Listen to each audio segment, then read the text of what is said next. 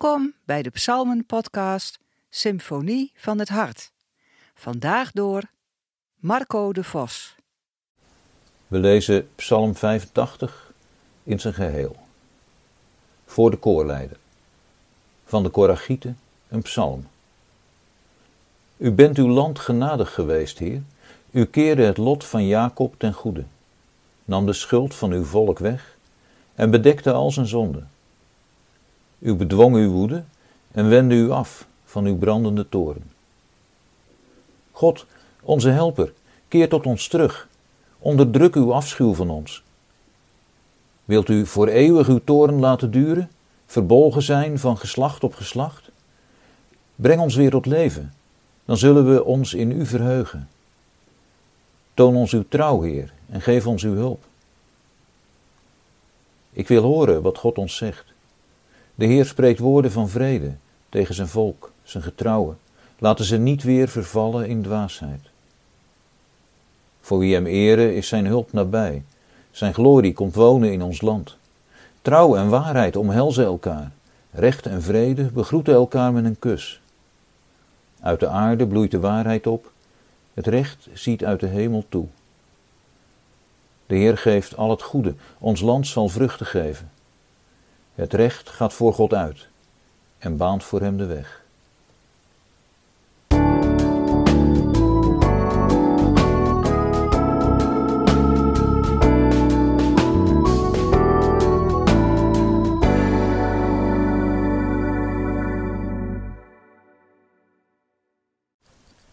In een detective van Dorothy L. Sayers trof ik een uitspraak aan die me nogal aan het denken heeft gezet. Lord Peter, haar gentleman detective, maakt daar de opmerking: Wat voor nut heeft het om fouten te maken als je er niets van leert? Wij hebben in het Nederlands de wat optimistische uitdrukking dat zelfs een ezel zich in het algemeen niet twee keer stoot aan dezelfde steen. Maar de praktijk is helaas dat we maar al te vaak niets leren van onze fouten. En de dichters van deze psalm weten daar, denk ik, alles van. Dat denk ik omdat vers 8, vers 9 in de nieuwe Bijbelvertaling, er in deze psalm nogal uitspringt. Het is het enige vers dat uit drie delen bestaat. Alle andere zijn twee parallele zinnen. Het vers luidt: Ik wil horen wat God de Heer spreekt. Want hij zal van vrede spreken tot zijn volk en tot zijn gunstgenoten. Maar laten ze niet terugkeren tot dwaasheid. Laten ze alsjeblieft niet terugkeren tot hun dwaasheid, is het laatste stukje van dat vers. Terugkeren. Dat werkwoord wordt vijf keer gebruikt in deze psalm. En dat is ook best opvallend. U heeft een omkeer gebracht in het lot van Jacob. U bent teruggekomen op uw boosheid. Breng ons weer terug, God onze redder.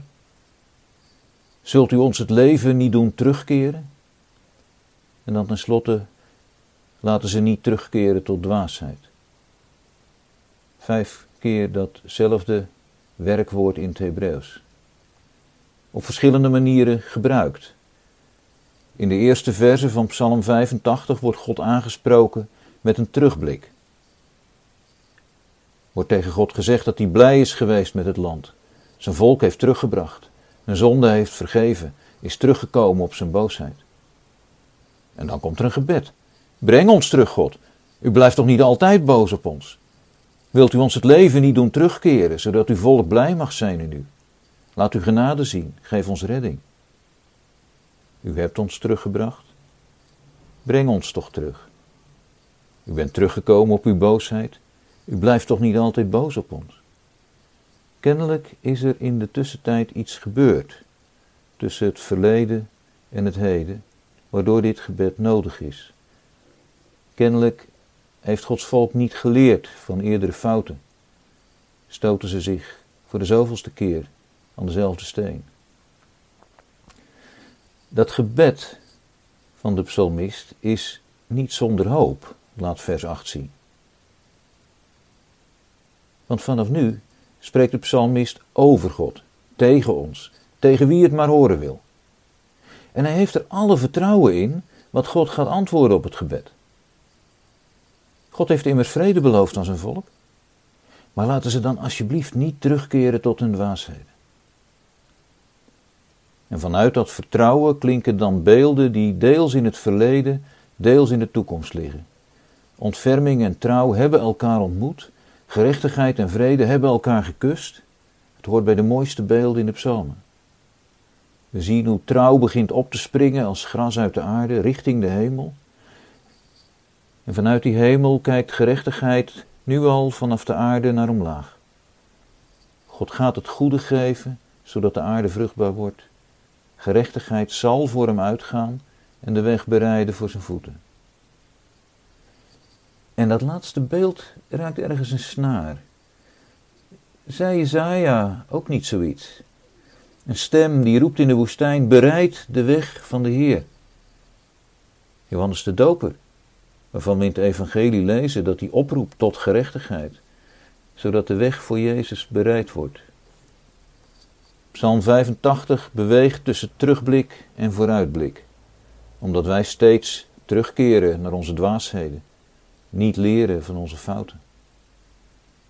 Maar die beweging stopt op Golgotha, op paasmorgen. Dan wordt eens en voorgoed waar wat de zonen van Korach lang geleden al zongen. Waarlijk, zijn heil is nabij hen die hem vrezen, zodat heerlijkheid in ons land woont.